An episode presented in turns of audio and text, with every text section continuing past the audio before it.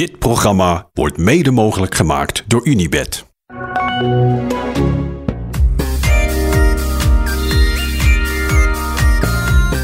Een hele goede middag. Goedemiddag. Man, wat was dit? Lelijk.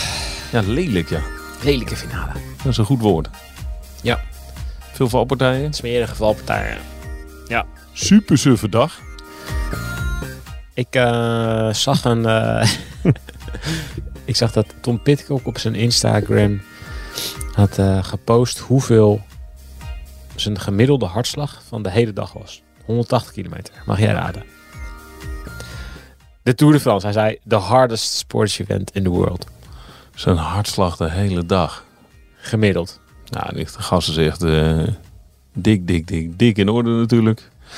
Ik denk dat hij niet boven de 100 uitkwam. 99 inderdaad. Jezus. En gemiddeld, eh, gemiddeld normalized power. 181. Nou, wij reden gisteren een eh, ritje samen. Klein uurtje. Klein uurtje. Echt. Maar dat was echt rustig. Toch? Ja. Ja, toen had ik 192, Vond ik ook. Had ik de 192 normalized. Echt? Dus, ja, het is gewoon echt. Dit is, dit, dit is gewoon echt een rustdag. Voor een heel veel jongen. Gewoon, het is beter dan rustdag. Want je, gewoon, je kan nog lekker een beetje rustig ene been voor je andere been laten vallen. Maar ze hebben echt niks gedaan vandaag. Nee. Tot, dat, tot de laatste 10 kilometer. Toen ging het natuurlijk echt vol erop. Maar er was niet eens een ontsnapping. Ho ho. Ja, nou, nou, Ho ho. Zet jij nu mijn vrienden Benoît Cournefroy en Anthony de la Place te vergeten? Nee, in het begin was er geen ontsnapping. nee, ik wil die dappere poging van die twee Fransen niet zomaar opzij schuiven. Ja. Dat was briljant om te zien. Ja, daar zijn natuurlijk gewoon ploegleiders in de auto gezeten. Die hebben telefoontjes gekregen van of van de tourorganisatie of van de sponsoren. Hé hey jongens, ja, wat, wat is dit? Er zitten hier gewoon miljoenen mensen voor de tv. We betalen jullie hier om, eh, om in beeld te verschijnen. Ja, in godsnaam, Ja, ga wat doen. doe iets! en dan hebben ze maar twee mannetjes zo naar voren geschoven van ja, nou, doe maar wat. Niet te gek. Rij maar gewoon. Gewoon rustig, kop over kop, 42. Slaat ook nergens op. Nee, dat was gewoon, en dat was echt voor de bühne. Ja. Ja, en dan? zo'n natuurcriterium. En we hebben hier de volgende ontsnapping, dames en heren. Anthony de la Place en Benoît Cournefroy. Winnaar van... Nee, dan gaat het. Dat is een natuurcriterium ook. Dan mag ook om de, zo, om het rondje van de twee rondjes heb je een nieuwe kopgroep. Ja, mag je even in de aandacht rijden. Ja, en dan heeft de speaker neemt even de tijd om de erelijsten voor te lezen. En dan eh, is het voor de beurt aan de volgende kopgroep. Zo zag het een beetje eruit. Zo zag het eruit, ja. Maar ja, los van die poging gebeurde er dan verder echt helemaal niks. Tot, nou laten we een beetje kritisch zijn, acht kilometer voor de finish. Ja, dat was eigenlijk een hele, hele lange rechte weg tegenwind. Eh, ik heb hem eh, zelf ook gefietst. En er was echt, eh, gebeurde, was inderdaad echt alleen maar gewoon een beetje wind tegen, rechtdoor. Er echt een ene hol aanwerder. Dus het was ook logisch dat er niks gebeurde. Het klimmetje van vierde categorie was ja, echt een, een pukkeltje. Dat stelde echt niks voor. Eh, maar op eh, zeg maar 7 kilometer van het einde begon eigenlijk de, begon een klein beetje meer te versmallen en een klein beetje meer te draaien en te keren. Ik kreeg een soort sprint naar drie kilometer punt bij het opdraaien van het circuit. En daar moest iedereen gewoon per se vooraan zitten. En dan zie je natuurlijk dat het hele peloton gewoon zo fris als een hoender is. Nou, en dat is zo ongelooflijk gevaarlijk. Dat is echt waarlijk, want dan heb je dus, ja, dan is echt iedere ploeg, iedere renner is in staat om zich ertussen te gaan smijten. Dan krijg je dus ook Fedorov ertussen, weet je wel. Die gasten die je al dagenlang niet hebt gezien. Die, en die gaan er nu in één keer zitten te, te wringen en te vroeten. En Luis Leon Sanchez. ja, ja dat, is, dat, vind ik, dat vind ik nog een goede renner. Maar goed, ja, die is ook gewoon, ja, die denkt ook, ja, dat kan, als het, Dat kan ik ook. ja, als het zo rustig is gegaan, dan kan ik ook nog wel even een beetje Doe meedoen. ik een beurtje. Ja, en dan krijg je natuurlijk... eh, Er zijn hier gewoon superveel goede sprinters met heel veel ploegen en ploeggenoten. En ja, als dan iedereen nog fris is, ja, dan, dan krijg je gewoon eerst al een massasprint naar dat 7 kilometer punt. Dan een massasprint naar het 3 kilometer punt. En dan krijg je nog drie massasprints voor alle bochten die er komen. En dan nog de, oh ja, oh wacht, we hebben ook nog de echte massasprint. Dus ja, dan heb je gewoon een soort van vijf massasprints voor de prijs van één. Ja. En dat liep niet goed af. Want Nee. daar, daar wordt het namelijk lelijk. Ja, was op het circuit wordt lelijk. Ja, de ene na de andere valpartij. Ja. Ik kreeg een eh appje van Nicky Terpstra. Die zei, waarom zetten ze überhaupt hek op dat circuit? Als je, als je ergens geen hekken nodig hebt, is het op een circuit. Ja, vond ik eigenlijk een hele goede opmerking. Ja. Dan, heb, dan hebben de renners dus veel meer ruimte. Om, eh, Om uit te wijken. Om uit te gras wijken. in te rijden. Ja. ja, nu is het gewoon, nu hekken ze het af. En dan hebben ze nog, de bocht hadden ze nog best wel smal gemaakt. En best wel, eh, de- daar moest je nog best wel oppassen dat je niet eruit zou vliegen. Ja, als je ergens gewoon veilig kunt rijden, natuurlijk gaan ze hier motoren met eh 300 overheen kunnen rijden. Dan kun je op de fiets ook 60 rijden doorheen, toch? Dus ja, moeten natuurlijk weer sponsoren. Weet ik wat. Ja, het is nou eenmaal zo. Het is wielrennen, dus we zetten de hekken neer. Gaat eigenlijk nergens over natuurlijk. Nee, ik had er eigenlijk nog helemaal niet over nagedacht. Nee, ik eigenlijk ook niet. Wij het is namelijk zo vanzelfsprekend. Ja, Ik liep ook een stuk over de finishstraat om te kijken hoe smal het werd in die, eh, in die bochtensectie. Toen dacht ik, oh ja, ja nou, mooie hekken. Ik heb nog eens extra naar die hekken gekeken en hoe makkelijk je ze kon verschuiven. Ja. Ja, dat gaat best wel makkelijk. echt hè. Ja, dat is echt niet goed. Sports had het goed uitgezocht. Die hadden dus eh, die hadden Bopelan, dus het bedrijf van dat die van die mooie valbestendige stootkussens finishstraat Ja, hadden ze die gevraagd. gele Ja. stootkussens. En die, die waren dus bereid geweest om het gratis aan de tourorganisatie ter beschikking te stellen. Dat zei Renaat tijdens het commentaar. Ja, die, die had duidelijk eh, een goede lijn Ja, die heeft, die, heeft, die had extra info. Ja. Maar het Eh, was dus gratis. Ja, maar ook al moeten ze er iets voor betalen, vind ik nog steeds dat ze dat hadden moeten doen. Maar goed, het was Nee, dus gratis. Maar het is dus gratis eh, aangeboden, gratis te leveren. De transportkosten op zich te nemen. Van, eh, van finish naar finish te verplaatsen. Eh, opbouw, afbouw. Oh mijn god. En wat was de reden? De ecologische footprint van zes vrachtwagens met die Boplan dingen. Nou, dat was een van de redenen in het interview wat Sportza had met Thierry Gouvenou, de parcoursontwerper van, eh, Echt. van Nou, de Tour de France. Als er één organisatie is die over ecologische footprint echt zijn smoel moet houden, dan is het de Tour. Hè? Ik bedoel, toen, toen wij dat hoorden, toen reden bij ons de reclamekaravaan langs, die elke dag zes ton plastic in de berm flikkert. Met 600 auto's, vrachtwagens. Vrachtwagens op auto's, auto's op vrachtwagens. Ja, ja, ja echt hè? want die dingen rijden niet zelf door Frankrijk. Die moeten op een vrachtwagen en dan rijden ze door Frankrijk. Exact, exact. En uh, als je als renner, als je je papiertje ergens verkeerd uh, gooit, dan krijg je een boete. Ja. Maar hier is het gewoon... als je het twee keer verkeerd gooit, Ja, krijg je een minuut tijdstraf. maar de, ja, dit is gewoon afvaldumpen soort. Ja, maar het is... Het is En dan zeggen dat die paar vrachtwagens om een veilige finish staat te maken, eh, niet dat je dat niet doet vanwege de ecologische footprint. Ja. Ik, ik, vind, ik vind het heel belangrijk, hè, ecologische footprint. Je, je kent me, je, je weet dat ik hier achter sta. Ik zou het heel goed vinden als de tourorganisatie nou, er iets anders mee om zou begin met elektrische auto's. Dat soort, het kan natuurlijk makkelijk al. Toen we rijden bij Beat rijden we ook met elektrische auto's. Eh, dat kan. DSM rijdt met elektrische auto's. Als ze daarmee bezig zouden zijn, zouden ze natuurlijk dat faciliteren. Zouden ze daar zelf ook aan de slag mee gaan. Tuurlijk. En met je ecologische footprint voor vrachtwagens voor die finish staat. Echt, wat een schande van een vent. Ik kan het niet anders zeggen. Maar ik dacht dat Nicky Terpstra hier wel een punt had. Nee, absoluut, absoluut. Nog heel even over Thierry Gouvenou, want dat was natuurlijk niet zijn enige punt. Dat was wel zijn meest belachelijke, waardoor alles duidelijk oh werd. Hoe, hoe, hoe zij erover nadenken. Wat een idioot. En een idioot argument. Ehm, maar hij, ging ook nog wel in op Boplan. Hij zegt, ja, dat is, zij hebben hun manier van eh, hekken plaatsen. Of ja, niet hekken dan. En ja, andere partijen hebben hun eh, eigen manier van hekken te plaatsen. Ja, zo, zo, zo is het nou eenmaal. Nou ja, het was echt... Maar hij was ook helemaal niet... Hij zei ook over de bochtige finish. Vond ik ook zo interessant. Zegt ja, ik heb twee plekken afgekeurd. En eh, ja, dit, dit is hem uiteindelijk geworden. Dat ik denk, ja, wat maakt het nou uit? Ook- Al keur je twaalf plekken af. Ja. Als het ongeschikt is, is het ongeschikt. ja. En als je het niet moet doen, moet je het niet doen. Nou, ik- nou genoeg daarover. ja.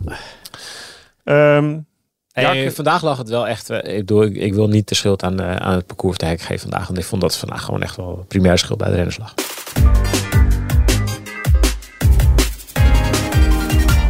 Ehm, hebben we iets gehoord van Jacobsen? Hij kwam niet meer de bus uit voor een Eh, eh, nee. reactie. Lefevre zei ehm, veel schaafwonden, maar op het oog geen breuken. Oké. Maar het zou goed kunnen dat hij dus wel nog eventjes naar de radiowagen is gegaan. Voor een foto. hè? Die rijden mee. Ja. De radioloog. Echo, echowagen, hoe zeg je dat? Radio, radiologie staat er hier op zo'n grote wagen. Oké. finish. Ja, Doen we dat. Wel eh Guarnieri geloof ik dat hij zijn sleutelbeen brak. Sprint aantrekken van Ewan. Maar bijvoorbeeld wat zo'n Werenskuld doet. Ja, Die Noor. In de, in de in de laatste laatste- 200 meter. Ja, maar kom op, gast. Jezus, man. Zeg Hou even. op met... Ja, die zit gewoon achteruit te kijken. Die zit gewoon achterom te kijken. En niet eventjes. Ik vind sowieso... Ja, trek die sprint aan. Ga, ga aan de kant. Kijk, blijf voor je kijken. Wat heeft het voor zin om achteruit? Wat wil je zien? Of je 84ste gaat worden. Of 22ste. Het maakt toch niet meer uit. Kijk voor je. En hij keek gewoon hij keek zo lang over zijn schouder dat hij gewoon niet zag dat hij gewoon langzaam de hek in, in, inreed. Ja, kom op, gast. Ja, de- dan denk ik, ja, dan kan je, daar is, daar, is, daar is echt geen kruid tegen gewassen. Nee. Als dat het is. Ja. Ja, en hij nam nog een mannetje van Covidus mee, die Zenkle. Ja, Ja. Ja. Die was ook woest. die was echt woest. En die Ja. dacht echt, ja, maar gast, wat maak jij me nou? Ja, die, die drukt hem gewoon, die zit gewoon achterom te kijken. En ja, die Zenkle dacht, ik kan weer op. En die drukt hem zo de hek in. Ja, dat zou ik ook echt... Oh. Ja, de opstaande roepen scheids. En nou is het afgelopen. Ja. Goed. Nou, ik ben blij dat het erop zit vandaag. Moeten we nog even Philipsen hebben over- wint. Ja, precies. Ja, nee, daar kunnen we het nog even over hebben. Philipsen wint. Ja, dat was toch wel... 2 eh, op 2. Ja, maar dat is eigenlijk eh, wist iedereen dat je wel bij de eerste, nou, 6, 7, de positie 6, 7 zou eigenlijk wel ideaal zijn om de laatste bocht uit door te gaan. Dus nog, was het nog een kleine 700 meter. Ja, licht omhoog. Nee, grapje, grapje. En ehm, ja, ik denk dat Philips daar misschien 16e, 17e zat. En Van der Poel die zat misschien 8e, 9e. Die zaten niet bij elkaar. Dus Philipsen die is op het laatste stuk eerst naar het wiel van de Poel gereden. Heeft toen geroepen. Van der Poel keek niet achterom. Maar hoorde dus dat Philips in zijn wiel zat. En die, ehm, ja, die komt vervolgens met een lead-out. Ja, jongens, hé, dat is echt niet normaal, hè? Want die sprint gewoon iedereen voorbij. En die gaat zo hard. En die zet Philipsen met zoveel snelheid af. Dat Philipsen dus nog, nog op dat laatste rechte stuk dus eigenlijk gewoon 16 plekken goed maakt. En wint. Wat Ja. eigenlijk niet, wa- waarvan je van tevoren zegt, als je daar, als, als, als zij vanmorgen zouden zeggen, Jasper zit eh 16e positie en Van der Poel zit achter, je zet, je geen lead-out voor je, dan zegt hij, ja, dat kan je niet winnen. Daar kan ik niet vandaan winnen. Maar hij wint wel. Dus ja, wat Van der Poel deed in die lead-out was ongelooflijk. Maar Ja, ik vind- er Kijk, zit één gek moment in. hij beukt, hij beukt Bini echt gewoon aan de kant. Maar als ik dat bij jou doe, dan, dan wil je nooit meer met me fietsen. Nee. Dit is wel een ander, eh, ander spelletje, maar Nee, kijk, ja, toch, het was wel echt een enorme beuk. Als Kevin dit het doet in de laatste 100 meter, worden we gek. Eh, zeker, ja. Ja, dat denk ik ook, ja. Ehm, en ik, ja, in de San Sebastian werden Skjelmoze en Petiol Ja, zo, netjes. eh, gedeclasseerd. eh, van, omdat ze van, van rechts naar links gingen. En wie sneed ze bij af? Rodriguez, geloof ik. En die werden, ja, die werden toen eh, naar achter gezet in de uitslag. En ja, als je heel eerlijk bent, Van de Poel doet gewoon precies hetzelfde. Dus ja, ik zou het wel logisch vinden als ze dan Van de Poel net zo goed declasseren. Nou, hebben ze nog niet gedaan, hè? Hebben ze nog niet gedaan. Zal wel niet gebeuren dan ook. Nee, maar dit is natuurlijk gewoon wel, ziet, je ziet weer de willekeur. Ik dacht, zit er nog een regel hoe ver het van de finish gebeurt? Want het gebeurt natuurlijk vlak na die bocht. Het gebeurt op 600 meter. 500 meter, zoiets, toch? Ja, misschien nog korter, misschien Ja. 400. Oh, oké. Ja. Ja, ik denk dat niet. Nee, dat maakt Nee, niet dat, zo uit. dat is geen... eh, nee, nee, nee, ik vroeg me alleen af. Kijk, eh, ik denk dat Van de Poel denkt, ja, eh, ja luister, wat is, wat is er mis mee? Ik geef je even een duwtje, ga even aan de kant. Weet je? Ja, die zit zo comfortabel op zijn fiets. Ik, ja, En Bini is ook wel best wel een stevige boy. Dus die kon het wel hebben. Was, zijn sprint was wel klaar voor Bini. Je zag hem verder niet klagen. Maar kwam er niet meer aan te pas. Nee, kijk, Van der Poel reed hij gewoon in de weg. Die dacht gewoon, ja, sorry, ik moet er langs. En Germay wil daar, wil daar nog niet zijn sprint aan gaan. Die zit daar op 400 meter. Voor hem, hij is de, de sprinter van, hij heeft geen mannetje meer voor zich. Hij moet wel wachten en hopen dat iemand voor hem nog echt hard doortrekt, zodat hij er nog overheen kan komen. Maar ja, als jij aan de kant wordt gebeukt en je zit vol in de wind, ja, dan is je sprint klaar. Ja. Dus, dus Van der Poel eindigt daar wel de sprint van Germay. Dus ja, ik, ik zou het wel... Kijk, als je, als je Skelmos en Bettiol declasseert, dan moet je, het hier, moet je het hier ook doen. Ja. Maar goed, ik denk dat het iets makkelijker is om Skelmos en Bettiol te declasseren dan Van der Poel. Voor de jury. Ja, ik denk wel dat het voor alle drie geldt. Zwaar. Toch? Als je declasseert. Zonder verdere gevolgen. Ja, wat zou het verder? Ja. Van de Poel haalt zijn schouders op. Ik denk Skilmoze en Bettiol ook. Toch? Ja. Dat denk ik ook. Ja, dat maakt niet uit. Dus als het een beslissing is zonder gevolgen en je kan morgen weer precies hetzelfde doen. Nou, zal morgen iets minder explosieve finale zijn. Laatste, laatste nieuwtje. Ja. Of laatste nieuws. Eh, Danny van Poppel zegt tegen de NOS eh, dat Philipsen degene was die eh, een beuk uitdeelde aan Jacobsen, waardoor hij onderuit ging. Philipsen weet soms gewoon niet helemaal wat hij doet. Hij doet het niet expres en het hoort ook een beetje bij sprinten. Of het echt zijn fout is, wil ik niet zeggen. Ik heb het in de flashback gezien, maar dat is ook het risico voor het vak. Zo, Gezondheid. nog net voor de nies. Ja, keurig afgerond. volle. ja, nee, ja, het is... Ja, goed. Ik heb die, die situatie niet goed gezien, dus dat durf ik niet te beoordelen. Nee, nee. Maar ja, er gebeurt natuurlijk wel echt van alles in die sprint. Kijk, als je het echt wil, goed wilt, wilt regelen, eigenlijk dit soort dingen, dan zou je eigenlijk een soort van gele kaartsysteem moeten invoeren. Dan Stel je declasseert dus nu van de pool en denkt, ja, lekker boeien. Mijn maatje heeft gewonnen. Ik, word- of ik nou 16e word of eh, ik word teruggezet naar, wat is de laatste van die groep, ik veel, 24ste, Ja. 48ste. Ja, kan mij het schelen. Nee, precies. En dat heb je natuurlijk in het verleden, als je dat met, eh, er zijn lead-outs geweest die dat gewoon standaard deden. Lombardi voor Cipollini, ja, dat was een verschrikking. Die, die, die zakte terug en die een soort, soort, soort goedendag door die groep heen, slingerend met aan alle kanten. En dat iedereen eh, aan de kant werd geknuppeld. Ja, die irriteerde en die, die, die probeerde zoveel mogelijk de andere sprinters te hinderen. Dat doet Van de Poel echt niet. Die gaat echt, die zwaait echt naar buiten. En die gaat gewoon helemaal links rijden aan de andere kant van, van het circuit. En die denkt, jongens, jullie mogen je ding doen. Ja, deed hij gisteren ook. Ja. Ja. Ja. Nou ja, Maar goed, ja, je zal maar zo'n lead-out hebben. Dat is niet normaal, hè, wat hij doet. nee, het is... eh, ja, de- ja, het, het is echt debiel hard. Kijk, hij is niet, hij is dus niet de snelste sprinter van het peloton. Hij is snel van de pool, maar ik, ik denk niet dat hij zomaar massasprints kan winnen. Ik denk, al- als hij goed gepositioneerd zit, dan komt hij denk ik vaak wel een end. Maar hij heeft niet die, die topsnelheid die Philips heeft en die Jacobsen heeft en die echt die hele snelle gasten hebben, die heeft hij niet. Maar ik durf toch wel te zeggen dat zijn minuutje of zijn halve, halve, halve minuut 40 seconden, daar zullen toch heel, heel, heel weinig jongens aan komen hoor. Ja, van aard of zo. Maar ja, die probeert echt te sprinten voor zichzelf. Kijk, als Van der Poel gewoon dat dus inzet en je zit in zijn wiel. Ja, Philips zegt dus ook, Van der Poel zei dat gisteren geloof ik, dat hij dus niet te hard kan aangaan. Want dan, dan draait hij dus ook meteen Philips zijn benen in de nek om. Hij moet, hij moet dus ja, een soort van steady inspanning doen. Moet een soort stijger doen. Hij moet het, moet het opbouwen. Ja, precies. Steeds harder, steeds Steeds harder, harder steeds harder. Ja, niet meteen vol weg. Want eh, zeker de eerste aanzet van Van de Poel, denk ik echt, als het niet te hard gaat na een bocht of zo, dan is het echt vreselijk om hem te volgen. Maar als hij dus gewoon 40 seconden aangaat, ja, maar wie kan dat beter? Als je die hebt als, als lead-out. Maar dat is pas sinds dit jaar dat hij het doet, hè? Dat hij het ook leuk vindt. Doe, Ja, wat was het? Tireno?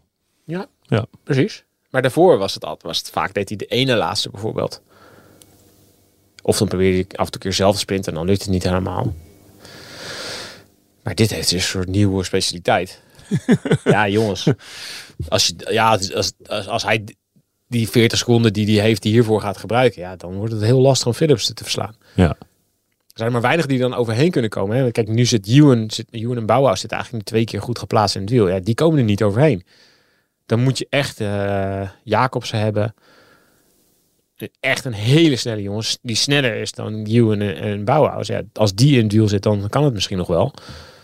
Maar dan nog. Dan wordt het nog moeilijk. Want je moet altijd, je moet altijd een fietslengte goed maken. Ja, maar nu moest van Philips moest dus echt wel van ver komen. Ik denk als nu bijvoorbeeld Jacobs in het wiel gezeten, dat was het een goede kans voor hem geweest. Ja. Maar dat is een van de weinigen die er dan nog een keer overheen kan komen. De meeste gasten, die komen daar niet meer overheen. Je ziet bij Ewan ook, ja, die komt in de winter naast. Ja, en dan, dan houdt het op. Dus die, die komt er wel zo half naast. En dat- Ja. Stampen, stampen, stampen net niet. Ja. precies. Nee. Maar zeker als Jacob zo hard is gevallen, dan gaat het wel een paar dagen duren voordat hij weer in orde is. Dat vind ik jammer voor de spits. Dit vind ik toch wel de twee snelste mannen van het moment. Ik vind, zou het mooi vinden als die nog een keer echt tegen elkaar echt kunnen sprinten deze tour. ja. Nou, daar was vandaag de hoop op, helaas. Ja. Zijn nog niet echt dagen die er aankomen waar je eens even heerlijk gaat herstellen. Zo. Ja, nee, eh, de tour gaat morgen eventjes op zijn kop. Ja, twee Pyreneeën-ritjes. En we hoeven nu het, het algemeen klassement hoeven we niet door te nemen. Nee, dat ligt morgen, zo, Ja. morgen ondersteboven. Ja. En overmorgen ook.